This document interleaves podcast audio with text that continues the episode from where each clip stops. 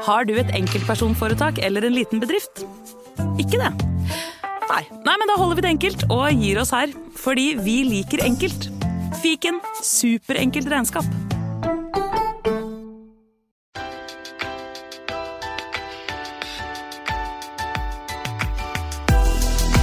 Hallo og velkommen til Pengesnakk podkast. I dag skal vi snakke om gjeldsproblemer og prøve å gi noen råd for hvordan man skal komme seg ut av det. Jeg har med meg Beate Engelsjø. Hallo. Hallo. Velkommen skal du være. Jo, takk for det. Det er jo en del som kjenner deg fra før av. Blant annet gjennom Instagram-kontoen din som heter Rikere liv. Ja. Og så har du et forum på Facebook. Ja. Eh, Moneypenny Norge. Det er et forum, en, en Facebook-gruppe, som dessverre bare er for kvinner. Men eh, hvor vi snakker om eh, penger og økonomi. Du jobber jo også som økonomisk rådgiver i Nav. Hva er det? Hvem er det du hjelper? Eh, som økonomisk rådgiver i Nav så hjelper jeg mange som sliter med økonomien sin. Eh, både folk som har store gjeldsproblemer, eh, og folk som eh, trenger økonomisk sosialhjelp. I dag så tenkte jeg å gjøre denne episoden her mest mulig praktisk for de som hører på, og kanskje er i ulik grad i gjeldsproblemer. Så jeg tenkte vi skulle begynne med å dele det begrepet gjeldsproblemer inn i tre. Og så får du si fra hvis du ikke er enig med meg her, eh, Beate. Jeg tenker Den ene gruppa er de som har en del gjeld, og de vet ikke hva de skal gjøre. Og det er dem vi skal snakke mest om. Og så er det en gruppe som kanskje fortsatt tror at de ikke har gjeldsproblemer, eller som kanskje tar det opp litt fleipete og sier ja, jeg har maksa ut kredittkorta, og nå er det luksusfellen neste. Men at de egentlig ikke har innsett at de på en måte er på vei inn i ordentlige gjeldsproblemer, da. Um, og så er det de som har masse gjeld.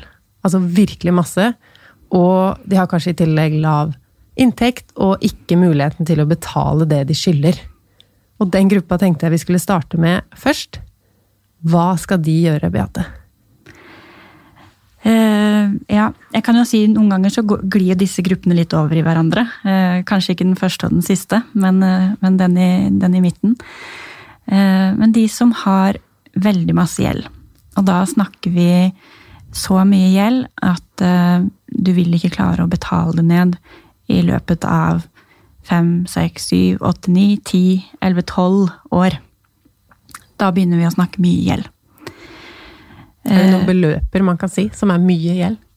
Nei, for det, det kommer veldig an på inntekten din, så det går ikke an å si noe generelt. Har du lav inntekt og ikke har noe å betale til, altså noe til overs, så, så er jo 100 000 eller 50 000 eller 20 000 for den saks skyld for mye gjeld. Um, men vi ser jo ofte de gjeldssakene jeg er borti på Nav, så snakker vi jo ofte i flere hundre tusener kroneklassen. Eh, og ikke uvanlig heller at det er flere millioner. Jeg tror det den personen jeg har eh, snakket med som har hatt mest gjeld, hadde tolv millioner i, i gjeld. Så det er, eh, det er mye penger. Mye Ja, det får man ikke betalt ned eh, på et år eller to hvis man ikke har samtidig en høy inntekt. Nei, eh, 12 millioner er nesten umulig å betale ned. Og særlig hvis det da er det vi kaller for usikra gjeld, og som har høy rente. Ja, for da fortsetter det jo å vokse. Ja. Og det er jo Ofte så har jo ikke eh, gjeldskravene vært så store i utgangspunktet, men de har blitt det fordi at de har renta seg i flere år. Så hva gjør dere når det kommer en eh, person i kontakt med Nav som har så store mengder med gjeld at det ikke kan betales? Eh, Det første vi gjør, er at vi gjør en beregning av det vi kaller for betjeningsevne. Altså hvor, hvor mye kan personen betale i gjeld. Og for å finne ut av det, så må vi sette opp et budsjett. Eh, Vi må finne ut hva, hvor mye inntekter har de, og hvor store er utgiftene. Og så er det mange som tror det at eh, ja, men jeg, alle mine utgifter må jeg ta med inn i den beregningen. Men det er egentlig ganske klare føringer for, for eh, hvor store utgifter du, man regner med. Da.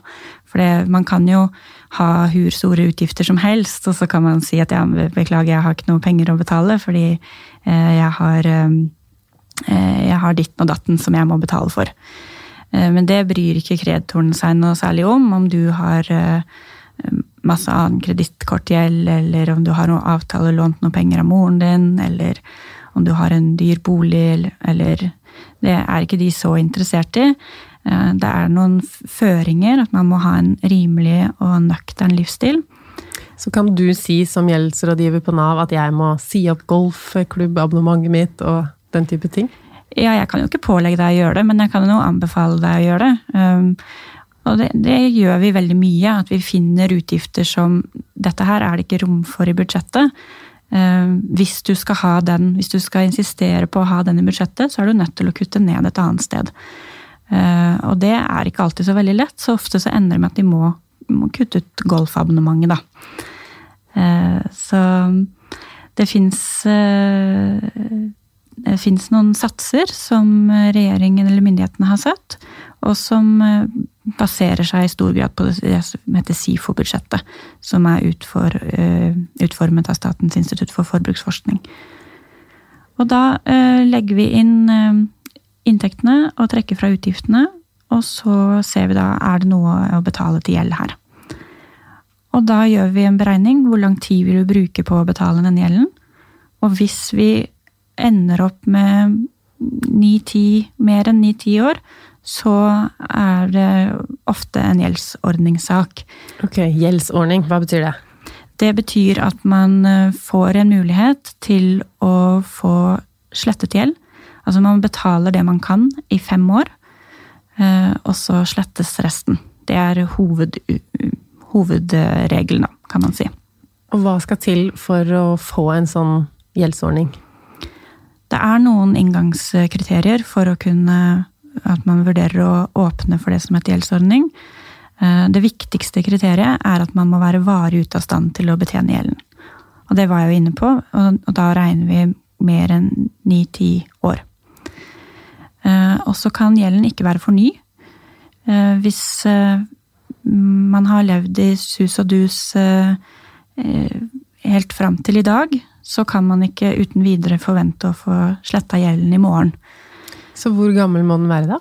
Hovedregelen sier vel at 50% av gjelden kan ikke være yngre enn to år. Den skal ikke være fra straffbare forhold.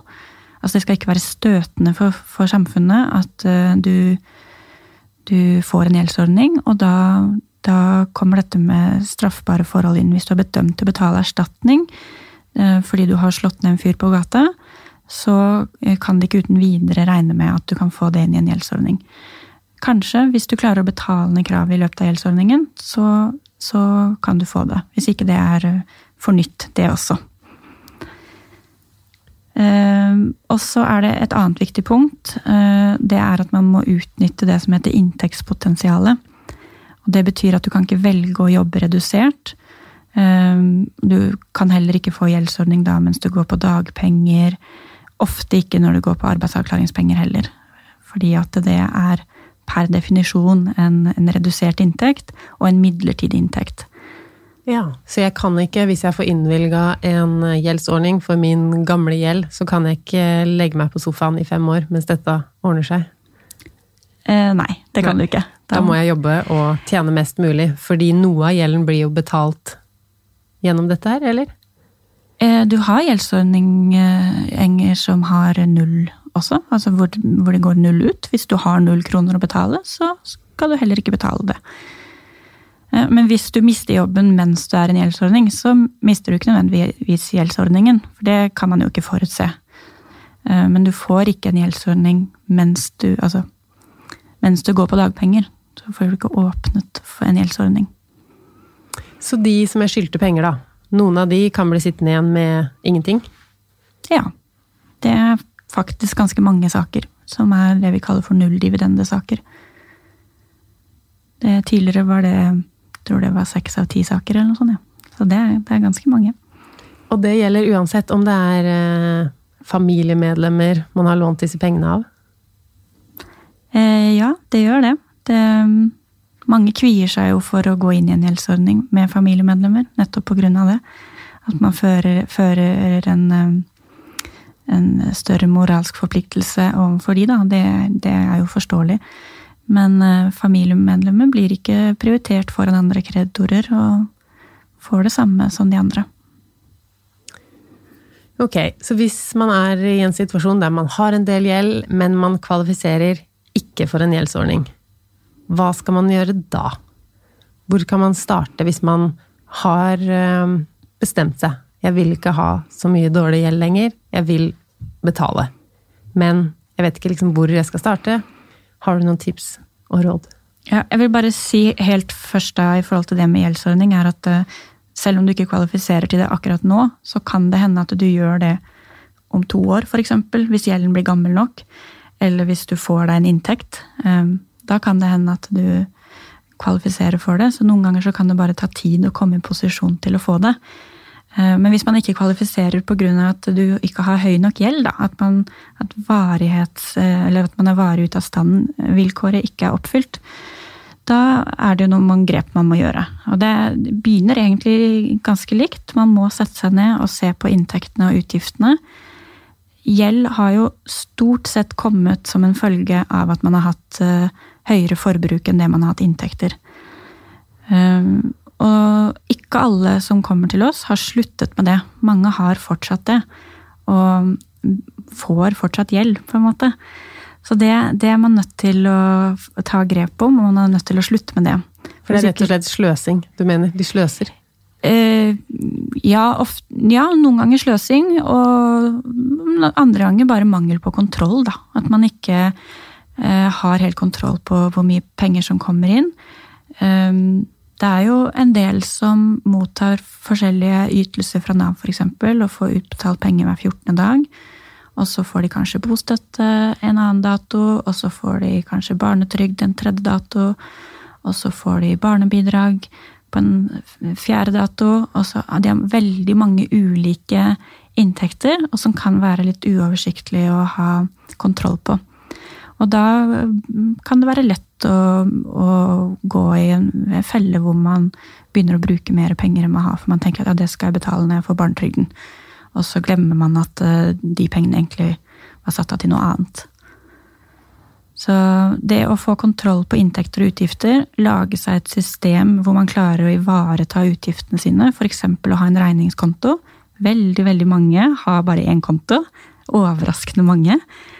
Så det å ha en eh, dedikert regningskonto hvor du har regnet ut hvor mye utgift, faste utgifter har jeg, og hva skal dekkes fra denne kontoen, og sørge for at det går eh, avtaletrekk eller faste overføringer både til regningskontoen, og at eh, betalingene blir ivaretatt fra den.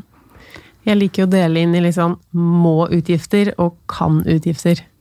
Og hvis man er i en situasjon der man skal prioritere gjelda si, så er det jo de kan-utgiftene man må begynne å plukke bort, da. For ja. du kan ikke velge bort barnehagen og strømmen, og de må man jo ha. De må man ha. Eh, så der er jeg enig med deg. Og, og, egentlig så burde de aller, aller fleste kan-utgiftene gå bort. Eh, I hvert fall for en periode. Eh, jeg skal ikke si at du liksom ikke skal gjøre det de neste fem årene, men for å kickstarte litt og få en god start og se at man får kontroll på økonomien, så skrell bort alle kan-utgiftene og kutte ned til må, og så kan man heller når man ser at man begynner å få taket på det, at gjelden går nedover, så kan man kanskje vurdere om noen av kan-utgiftene kan gå inn innimellom. Men da kan man også tenke sånn at uh, hvis jeg skal kjøpe meg en ny bok eller en kaffe, eller alt sånn, mens jeg samtidig har den dyre gjelda, så er det jo nesten som at luksusforbruket mitt fortsatt er på kreditt.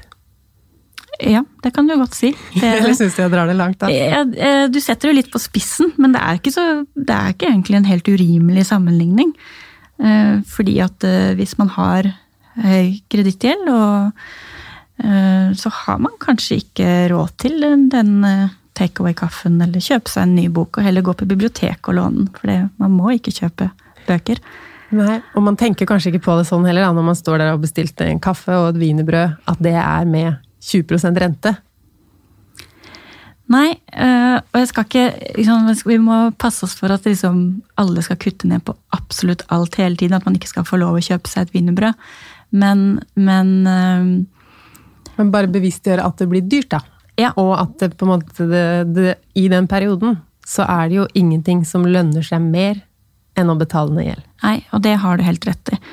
Og det å, å klare å kutte ned på den type utgifter vil jo gjøre at man eh, får betalt ned gjelden raskere. Men den gjelda Altså mange som har gjeld, de hater jo gjelda si. Og da føles det vondt å bruke penger på den gjelda som de hater. Hvordan kan vi på en måte prøve å snu litt på det til noe positivt?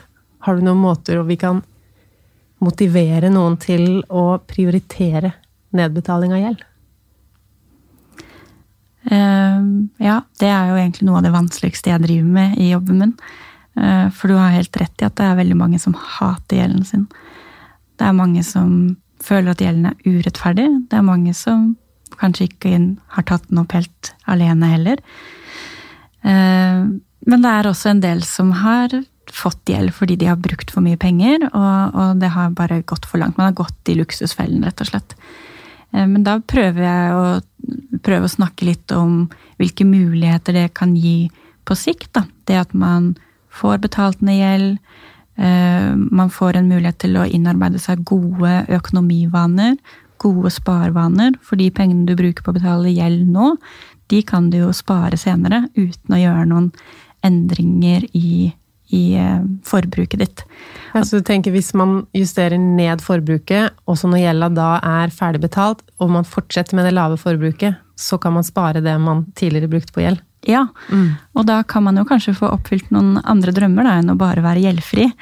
Eh, mange, det kommer jo an på om man er på boligmarkedet eller ikke, men mange ønsker å spare til bolig. Eh, mange har kanskje andre drømmer om å reise litt, eller for den gjelda setter jo en stopper for mange ting man vil i livet. Og både du og jeg er jo glad i investeringer og få avkastning på pengene våre. Og når vi tenker på en god avkastning, så er jo det noe som nærmer seg 10% er jo en super avkastning. Mens den eh, gjelda vi snakker om i dag, da, den har jo kanskje 20-30 også prosent rente. Ja, så det, det er jo et dårlig regnestykke. For det vi er glad i god avkastning, og vi er glad i den avkastningen som den kan gi over tid, med renters renteeffekten. Den har jo dessverre akkurat samme effekt med motsatt fortegn når det er gjeld. Eh, så hvis man ikke klarer å, å betale det ned, så, så, baller det veldig fort på seg da, og blir verre og verre. Men er det noen smarte ting man kan gjøre hvis man skal begynne å betale gjeld? Hvor skal man begynne? Man har kanskje gjeld flere steder og veit ikke hva som skal prioriteres først. Og har du noen regler? Uh, det, det, vi har ikke egentlig noen fasit på hvordan vi gjør det, men eh, et naturlig sted å starte er eh, de kravene du har som er høyest rente. Og det er veldig ofte kredittkort. Kredittkort er det som har aller, aller høyest rente. Og det er ikke uvanlig med effektiv rente på over 30 over 30 um, Og det er det mange som stusser litt over, fordi at uh, den effektive renten er kanskje 19 eller 22 eller 23. Men uh, på denne type gjeld så er den effektive renten veldig mye høyere. Ehm, så det, det, er et naturlig sted å starte. Men så er det også noen som blir motivert av å se at gjeldskrav forsvinner. Hvis du har 20 forskjellige krav, da, så kan det være en grei strategi å begynne med de minste kravene også, selv om de har noe lavere rente. Eh, selv om det økonomisk sett ikke er eh, nødvendigvis det mest lønnsomme. Men hvis du kan få unna halvparten av kravene, da, eh, de tre første månedene, ved å betale ut de minste kravene først, ja, Hvis det er steder du skylder 1000 kroner, eller det bare er en ubetalt regning, eller sånne ja, ting. Ja, ja, nettopp. Så hvis du kan bruke de tre første månedene på å få unna de minste kravene, og så prioritere eh, de med dyrest rente etter det. Så det, det, må man se litt på hva som er den helt konkrete gjeldssituasjonen. Og hvordan motiveres du av å, av å betale ned på gjeld. Jeg tror det er et godt råd, fordi det er mange, altså i hvert fall de som sender eh, meg meldinger om at det er eh, gjeld, og så handler det om at de ikke har oversikt. Det er så mye ja. at de ikke veit. Ja. Så hvis du kan klare å redusere ned ned, ned, eh, hvor mange du skylder penger til kanskje to-tre stykker, da, eller én, så er jo det enklere å forholde seg til. Selv om det kanskje er noen av de andre kravene som har litt lavere rente. Så i tillegg da til å sette opp budsjettet sitt for å se hvor mye man kan bruke på gjeld, så bør man liste opp alt man skylder, da? Ja. Du må få en oversikt over gjelden din. Nå har vi jo også fått gjeldsregister, det kan være lurt å logge seg inn der. Um, det heter vel gjeldsregister.com eller uh, Ja, hva heter disse, da? Norskgjeld.no eller noe sånt. Uh, men det kan man bare google, så finner man det. Og der er det faktisk en del som får seg noen overraskelser. At det ligger noen kredittkort man ikke har brukt på en stund og sånn. Ikke at det er noe farlig hvis man ikke har brukt det, men, men det kan være et greit sted å begynne. Og så kan man se på selvangivelsen sin, eller skattemeldingen heter det nå. Eh, der står ofte noe gjeld, og så kan man se på de brevene man får. Eh, åpne post er viktig. Det, det, er veldig veldig lett og fristende når man begynner å kjenne at det her går litt gale veien, og slutte å åpne posten sin. Det må man ikke gjøre. Det er viktig å åpne post, sånn at man vet hvem man skylder penger, og hvor man skal ta grep. Fordi ingenting blir jo bedre av at man nekter å se på det. Nei. Altså jo tyngre og vanskeligere det er, jo mer lønner det seg jo faktisk å begynne å se på det og realisere hvilken situasjon man er i, og så finne på noen ting for å kunne prioritere det, da. Ja. Og det, det, er, det er, veldig, veldig viktig. Vi vet at det vi vet at det er en veldig lett vei å gå hvis det begynner å, å, balle på seg veldig. Det er veldig, veldig, veldig mange av de som kommer til meg, som har sluttet å åpne post. Ja, Så det begrepet 'det man ikke vet, har man ikke vondt av', det gjelder ikke i Nei, denne situasjonen her? Det, det gjelder absolutt ikke i denne situasjonen her, når det kommer til gjeld. Men sånn helt fra starten av, hvis man ikke har så mye, fordi det lønner seg jo mer jo tidligere man tar det. Når er man på en måte i et problem med gjeld? Eh, jeg tror at det er man idet man ikke følger planen sin om hvordan man skal betale ned gjeld. Eh, hvis du har La oss si at du har bevisst valgt at eh, ok, denne Dette her skal jeg kjøpe på kreditt. Og så gjør du det, F.eks. at du skal bytte en garasjedør, da. Jeg vet ikke. Og så gjør du det, og så har du en plan for hvordan du skal betale det, og det er overkommelig, og du kan klare det.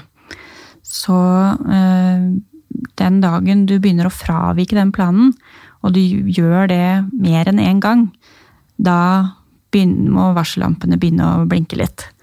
Men hva med sånn småkjøp da, på kredittkort? For jeg vet jo bare jeg har fire forskjellige kredittkort, mannen min har flere.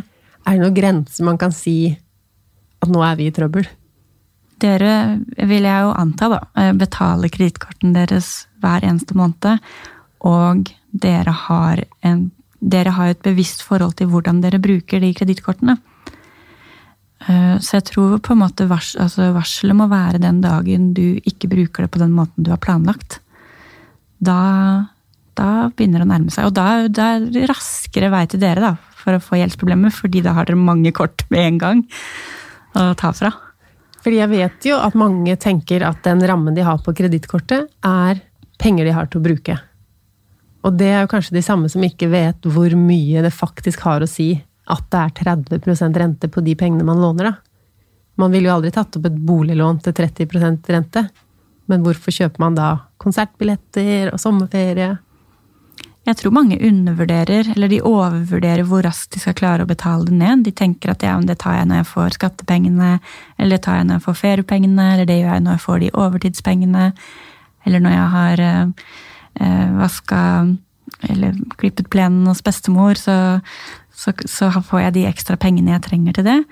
Og så overvurderer man hvor lett det er å på en måte glemme det forbruket man hadde i går, og heller finne nye ting å bruke penger på, og så har du plutselig brukt opp de pengene også. At vi får lyst på nytt hele tiden, og stadig faller for, for fristelsen for å bruke mer penger. Så En ting også jeg tenker med kredittkort, er altså grensa for å ta et forbrukslån er jo litt høyere. Da må man jo tenke gjennom nå skal jeg faktisk ta et lån. Men å bruke det kredittkortet, da må man jo ikke spørre noen, eller søke, på en måte. At det er lett å ty til den. I hvert fall kanskje for unge. Ja, hvis du først har fått kredittkortet, så er det, jo, er det jo veldig lett å tenke at det er penger jeg har. Og det, det har jo litt om hvordan banken har markedsført disse produktene også. Ehm, det, det, det blir jo markedsført, og du kan, du kan, reise til London, og du tenker, tenke på at ikke du har penger akkurat nå.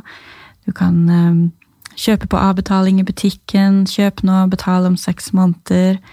Og de vet jo hva de gjør, disse som tilbyr de lånene. For de vet at eh, når seks måneder har gått, så har vi funnet andre ting å bruke pengene på. Eneste grunn til at de kan tilby disse avtalene rentefritt og uten Altså i, i venteperioden er det jo noen som, som tilbyr det eh, rentefritt, er jo at de vet at en viss andel av de som gjør dette her, vil ikke klare å betale tilbake når de skal, og det tjener de penger på. Det er jo samme med alle kredittkortene, med alle disse cashback-avtalene så, så, er det jo noen som betaler prisen for den, den rabatten man får, da. Når, når, man bruker det. Så det er, det er mange som, som bruker kredittkort aktivt fordi det gir noe penger tilbake. Eh, men det, ja. Jeg er i hvert fall bevisst på at det er noen som betaler den prisen også. Og de fordelene man får ved å bruke et sånt kort, altså ulempen det er hvis du ikke betaler regninga med en gang den kommer, eller ulempen der hvis du går over kredittramma, det er jo mye større enn fordelen. Altså hvis du får 1% i bonus, så hjelper jo ikke det hvis du betaler 30% rente på det du har kjøpt. Ja, og det er jo det er akkurat det. Det, det. det, blir ikke så lønnsomt på sikt hvis man eh, ikke klarer å betale det ned. Men hvis man har eh, si, tatt seg litt i nakken og begynt å betale ned kanskje de tre kredittkortene man har, og et lite forbrukslån og noen andre krav, hvordan skal man holde motivasjonen hvis det er såpass stor saldo at dette må vare kanskje over et år eller to eller enda lenger? Nei, det er vanskelig å holde den motivasjonen over tid, så jeg tror det er viktig å se hva som er gevinsten i andre enden.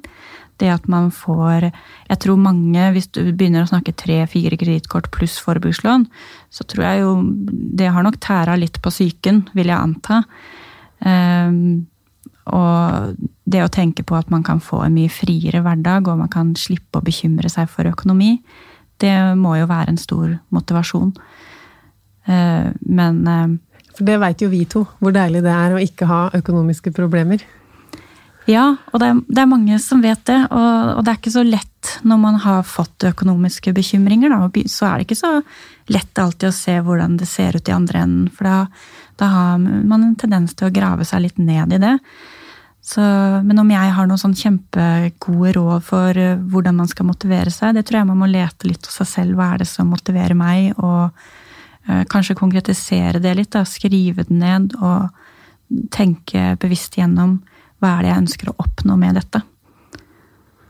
Og så også det du sier med den økonomiske vinninga. Altså jo lengre du har et lån med høy rente, og som bare negativ rentes renteeffekt, at det blir dyrere og dyrere og dyrere, det hjelper jo ikke å ha det lenger.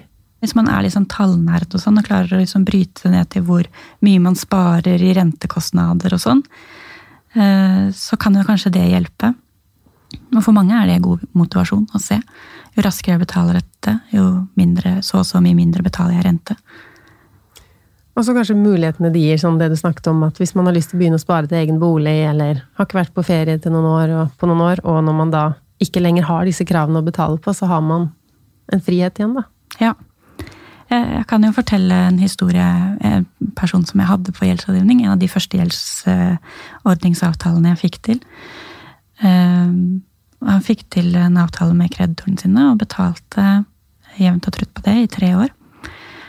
Og så ehm, Da hadde han i løpet av de tre årene, og litt før det også, eh, hadde han jo da klart å bygge seg opp gode vaner. Sånn at når han var ferdig med avtalen, så begynte han å spare. Og for ikke så lenge siden så tok han kontakt med meg og spurte Han måtte, hjelpe, han måtte ha hjelp å få noe sletting av pont som ikke var blitt borte etter, etter avtalen. Eh, og da hadde han faktisk eh, spart egenkapital til å kjøpe seg bolig. Oi. Og dette var en eh, godt voksen mann som aldri hadde eid sin egen bolig, og aldri kunne ha drømt at det var en mulighet for han.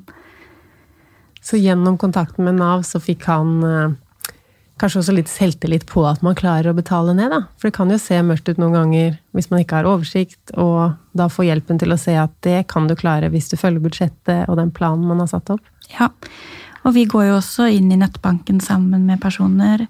Setter opp regningskonto, hjelper til å sette opp avtalegiroer. Eh, hjelper til å beregne hvor mye bør du overføre. Eh, kanskje opprette flere kontoer, sparekontoer.